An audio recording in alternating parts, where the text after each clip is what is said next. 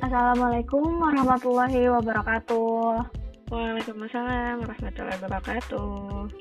Balik lagi sama gue Dila dan partner gue Alif. Halo, apa kabar Liv? Alhamdulillah, so far so good. Alhamdulillah ya. Ya, Masih di rumah aja ya kita ya. ya masih hashtag di rumah aja. Eh, ini sih sebelum lanjut bahas tentang topik kita pada episode kali ini gue mau minta maaf sih buat apa ya temen-temen semua. Karena di episode satu kemarin suara gue tuh kayaknya pas gue denger lagi kayak keras banget men. Kayak pengen lagi demo lagi wasi gitu loh lu lu bersemangat banget sih kayaknya tuh episode pertama gila. ya gimana ya Gila, karena gila, gila. Akhirnya gue bisa setidaknya bermanfaat lah ya mengeluarkan keresahan keresahan gue Iya iya iya iya. kacau sih semoga di episode yang kedua dan seterusnya nggak kayak gitu lagi sih Amin ya, semoga eh, frekuensi suaranya tuh bisa sopan gitu ya, masuk ke telinga gitu ya. baik Sopan baik. sangat-sangat menyebalkan banget ya. Hmm, kemudian eh apa ya di episode kedua ini gue mau ngajakin bahas terkait sisi lain corona sih karena kan kayaknya kita tuh ini ya apa sih disuguhnya oleh berita-berita yang membuat kacau banget nggak sih? Wah ini pasien yang positif naik lagi yang PDP bener naik bener bener. Bener banget sih bener banget.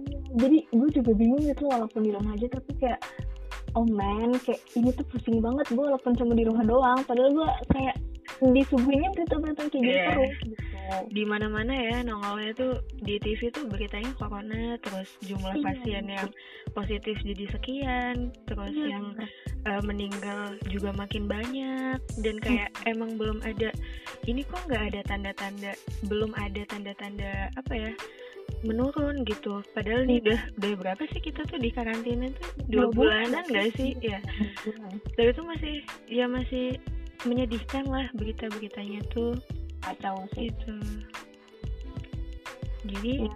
tidaknya kita bisa bahas sisi lain corona ah, dari ya betul. positif gitu ya. ya bener sih. Soalnya apa ya karena kayak gini juga ngaruh gitu ya ke kesehatan mental kita kayak gitu.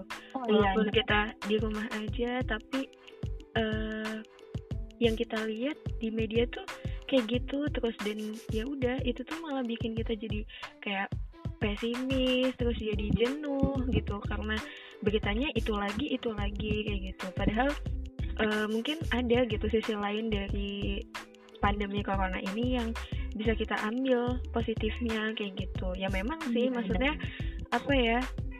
Ya pasti semua orang sedih lah dengan kondisi yang kayak gini. Banyak karyawan yang dirumahkan. Benar terus benar. ada yang nggak bisa jualan kayak gitu pedagang-pedagang paling kerasa banget dampaknya ya penurunan Mm-mm, berasa banget tapi apa ya ya di tengah kondisi yang kayak gini kita mencobalah untuk men- mengambil sisi positif lah dari apa ya pandemi yang ada kayak gitu Benar. Nah, itu terkait eh, apa? berita perspektif positif gitu ya. Kayak Mm. apa sih kita lihat dari perspektif itu? Kemarin tuh Hmm. beberapa waktu lalu gue baca berita dari BBC gitu. Kalau nggak salah tuh tanggal 7 April itu tuh terkait penurunan polusi udara. Jadi beritanya itu ngebahas penurunan polusi udara sebagai dampak dari social distancing. Nah, gue kan kayak, oh ternyata ada loh yang ngebahas berita yang nggak cuma kayak pasien positif dan segala macam gitu. Terus ternyata nih ya, karena adanya COVID-19 ini, itu tuh bisa membuat perubahan yang begitu besar dan begitu cepat terhadap penurunan polusi udara. Karena di dalam kurun waktu yang sama pada tahun ini juga di New York itu tingkat polusi udaranya tuh berke- berkurang nyaris sekitar 50%. Kan kayak wow, kayak ada loh ternyata perspektif positif dari COVID-19 ini gitu loh. Terus di Cina, di Cina itu katanya tingkat emisinya itu berkurang 25% di awal tahun. Jadi ketika orang-orang itu melaksanakan hashtag di rumah aja kan pabrik-pabrik tuh jadi tutup gitu kan terus batu bara di beberapa apa titik di Cina tuh juga ditutup gitu kan ya dan mengalami kemerosotan gitu jadi apa sih polusi-polusi udara yang dihasilkan sama pabrik ya nggak ada gitu. Terus akhirnya ya ada kenaikan lah kualitas udaranya kayak gitu dibandingkan pada waktu-waktu yang lalu gitu di Cina. Kemudian uh, si apa ya kemarin tuh ini peneliti sains di Land University dari Swedia tuh ngejelasin gitu ternyata sekitar 23% itu transportasi yang paling banyak menyumbangkan emisi karbon ke global gitu gitu jadi wah gila. Se sekacau itu ya kita pas sebelum corona tuh kayak banyak banget nyumbangin buat emisi-emisi yang aduh kacau sih gila. Motor di mana-mana mobil di mana-mana ternyata ada loh gitu. Ya yeah, polusi udara karena kita ya asik di rumah aja. Wow.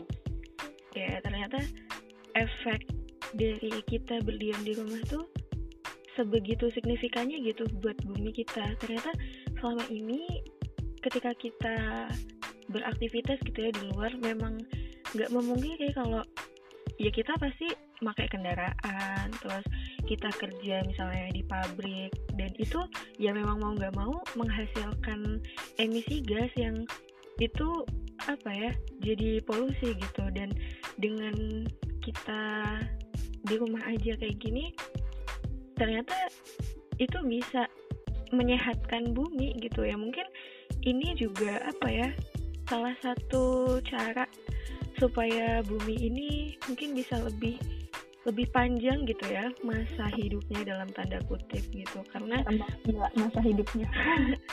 Karena banget sih berarti sama bumi dong. karena apa ya ya mungkin emang bumi ini punya caranya sendiri gitu buat uh, meredakan dirinya dari kejenuhan-kejenuhan karena emisi yang manusia buat kayak gitu. Ya ya ini salah satu caranya gitu. Mungkin uh, dengan adanya pandemi ini jadi seenggaknya bumi bisa lebih bersih dari emisi gas kayak gitu. Ya yeah.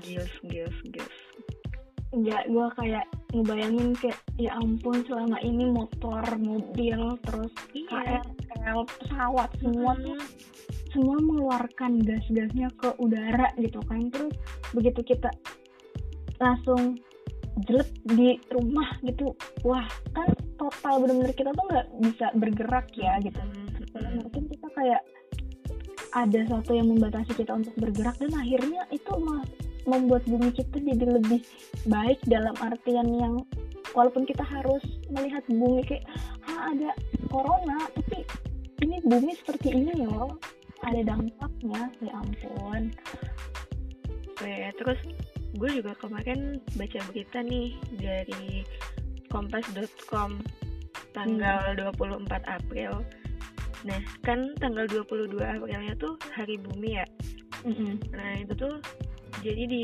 kompas.com itu ngebahas tentang hari bumi di tengah pandemi corona. Polusi udara di Indonesia menurun. Isi beritanya gini Kondisi nitrogen dioksida atau polutan lingkungan di beberapa negara, termasuk Indonesia, mengalami penurunan. Hal ini disampaikan oleh peneliti di Pusat Penelitian Lembaga Ilmu Pengetahuan Indonesia atau LIPI, Ajeng Arumsari, PhD. Ternyata kondisi lingkungan di tengah pandemi corona ini menjadi lebih bersih, terutama kondisi nitrogen dioksida. FYI aja nih ya, nitrogen dioksida atau NO2 ini melewati bata, ambang batasnya.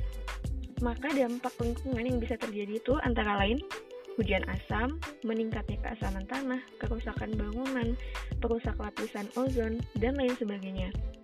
Sedangkan jika manusia yang terpapar NO2 ini secara berlebihan juga bisa menyebabkan infeksi paru-paru dan saluran pernafasan. Jadi kayak apa ya?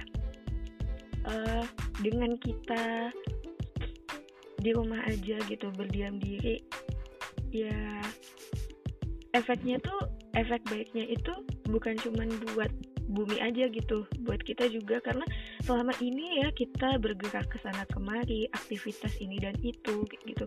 Kita udah ngeluarin emisi gas dengan kita naik kendaraan kemudian kita beraktivitas yang lain belum lagi pabrik-pabrik pembangkit listrik juga kayak gitu. Itu juga ngasilin emisi yang beresiko juga gitu buat kita. Bukan bukan cuma uh, berefek buruk kepada bumi tapi ke kita juga gitu. Dan dengan kita berdiam diri ya kita otomatis ter apa ya terminimalisir lah dari paparan NO2 itu yang yang apa ya udah udah terlalu banyak mungkin ya di di udara ini kayak gitu. Dan ya kita juga bisa lebih terjaga dari uh, terkena covid eh coronavirus ini sih gitu bisa hektik itu berarti ya kita menjalani aktivitas kita sehari-hari. Iya iya. Ada corona. Mm kayak kalau gini bayangannya tuh kayak pabrik ini mesin ini semua. Terus kayak bumi tuh kalau misalkan ibaratkan sama sebuah wadah kayak udah gak kuat menampung apa ya aktivitas itu semua gitu nggak gila sih gila sih. Kayak kayak udah butek banget gitu ya. Butek banget. gila gila. Makanya sekuat itu ya bumi kita. Ya ampun gue rasa kayak zolim banget sama bumi kayak kadang-kadang kalau suka buang sampah sembarangan apa-apa kayak gitu ya oh, dari hal-hal yang ya terlihat sepele kayak gitu tapi Benar. imbasnya gede banget kayak gitu. Dan mungkin ya mungkin kalau nggak ada kayak gini mungkin kita juga kayak ya udah gitu enjoy enjoy aja beraktivitas ya. ini itu segala macam tanpa tanpa merasa bersalah gitu ya tanpa tanpa ngerasa wah kita ternyata selama ini udah zalim nih sama bumi gitu ya udah wah udah melukai bumi sebegitunya melukai.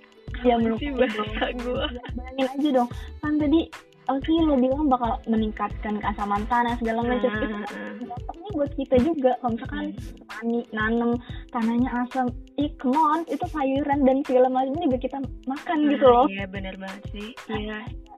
Iya emang bener ya, maksudnya semua perbuatan yang kita lakukan tuh emang endingnya balik lagi ke kita ya. Iya iya, iya sih bener-bener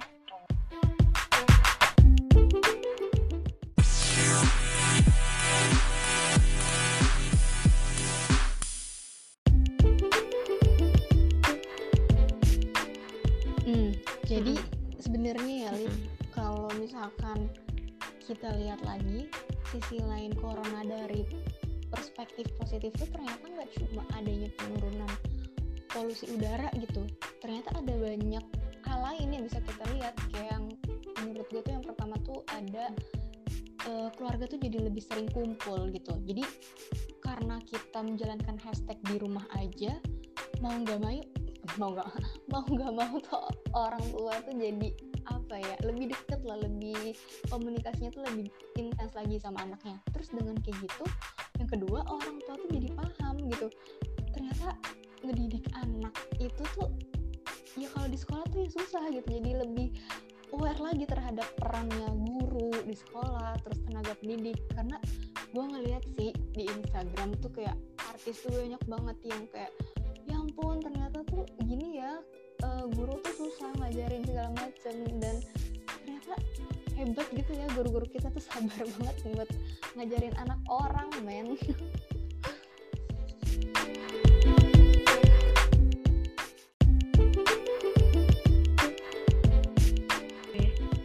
Jadi apa ya orang tua orang tua nih lebih mengerti gitu bahwa peran guru tuh ya sebegitu pentingnya dan mereka ini ya struggle banget buat mentransfer ilmu kemudian mendidik anak-anak mereka di sekolah kayak gitu. Dan itu tuh gak gampang ya apalagi uh, nggak sih sebenarnya ini tuh jadi apa ya refleksi sih supaya mungkin biar orang-orang ini juga sadar gitu bahwa uh, ketika misalnya gurunya ini ah, menghukum anak-anak mereka ya memang sudah sebegitu susahnya gitu. Kan pernah tuh ada beberapa kasus ada beberapa kasus yang ini kan yang kayak orang tua murid tuh menuntut guru ini itu segala macam ngelaporin ke polisi karena anaknya dihukum atau apa kayak gitu. Gila padahal padahal guru-guru nih istilahnya udah sabar banget dan Manusiawi. hukumannya pun hukumannya pun masih menurut gue tuh masih normal gitu loh. Heeh, masih masih manusiawi gitu. Dan ya kayak gitulah maksudnya masih banyak banget kan kasus-kasus yang kayak gitu. Nah dengan dengan adanya kayak gini di rumah aja. Jadi orang tua nih ngerti gitu wah memang sestruggle Iya, itu bener. ya buat ngedidik anak ngajarin anak kayak gitu. Jadi mereka pun gak gak meremehkan peran guru gitu mentang-mentang gue udah bayar guru gue udah nyekolahin gini-gini segala macam. Tapi ya memang ya gitu Iya maksudnya sih. jadi lebih respect satu sama lain sih menurut gue gitu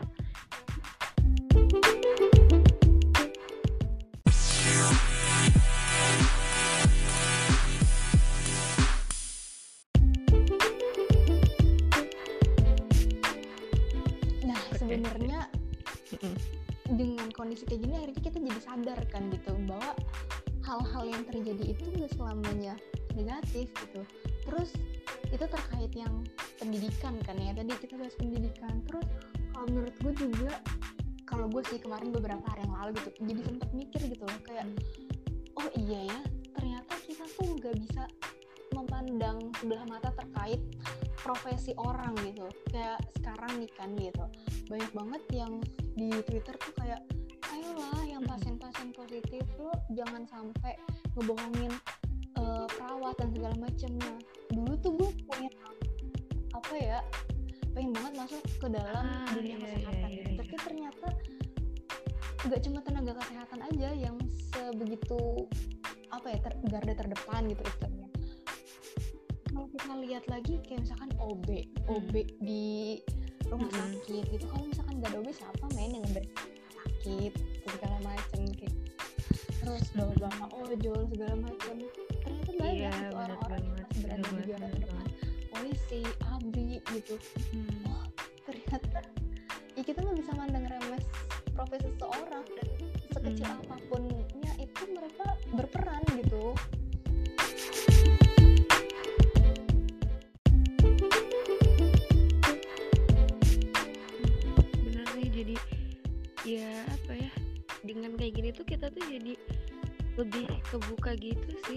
perspektifnya gitu nggak heeh.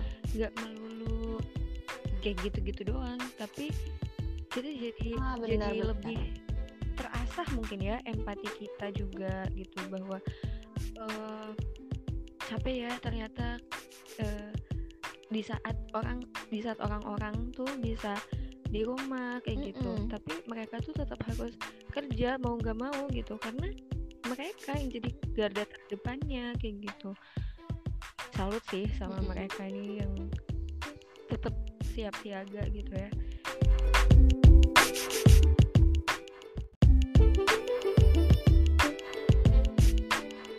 Oke, tadi kan kita udah bahas ya tentang kayak pendidikan, terus dari segi profesi dan segala macam. Dari lo sendiri ada Mm-mm. lagi nggak sih kira-kira yang sisi lain corona ini gitu dari perspektif positifnya?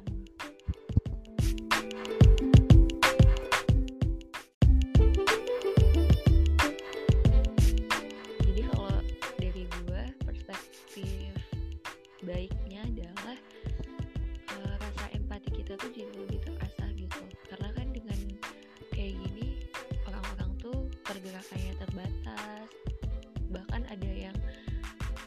kerja kayak gitu. Tapi eh, kita tuh tetap berusaha untuk menolong satu sama lain berdonasi. ya apa pun lah kayak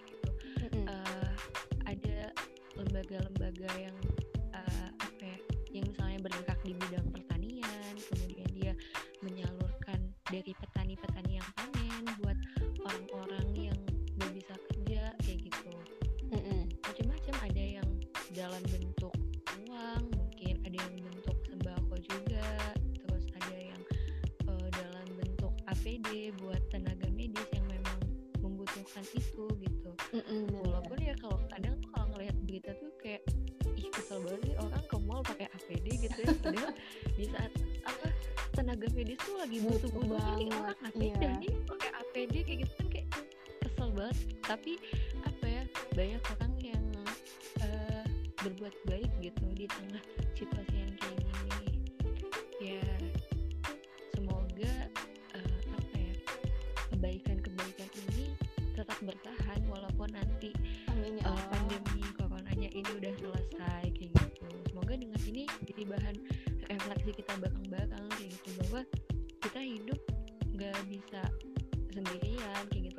tadi misalnya eh nyokolahin anak kayak gitu kan Eh, tugas guru tuh kan apa ya tanggung jawabnya besar banget kayak gitu Mm-mm.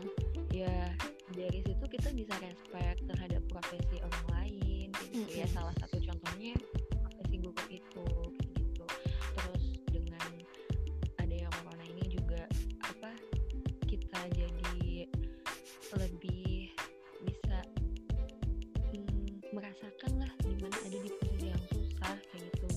semuanya sih susah sih dengan kondisi sekarang ya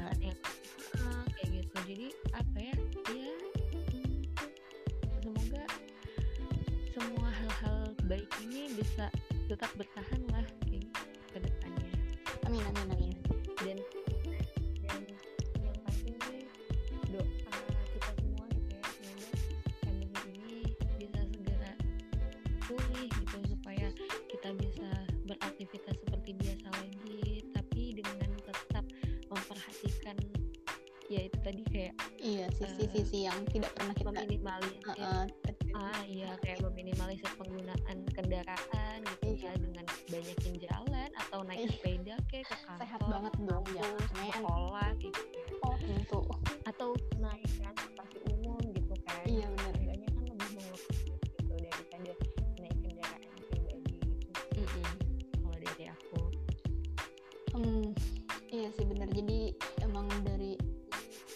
sesuatu yang terjadi benar kayak ada sisi positif dan negatif. Eh, si- iya sisi positif dan negatifnya.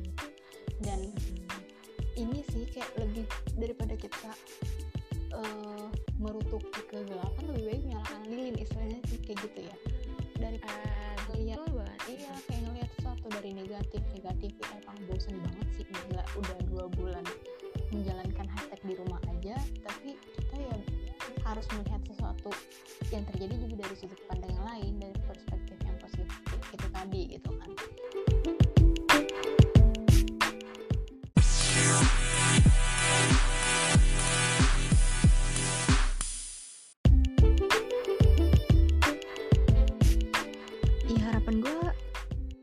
lebih sama lah ya sama lo.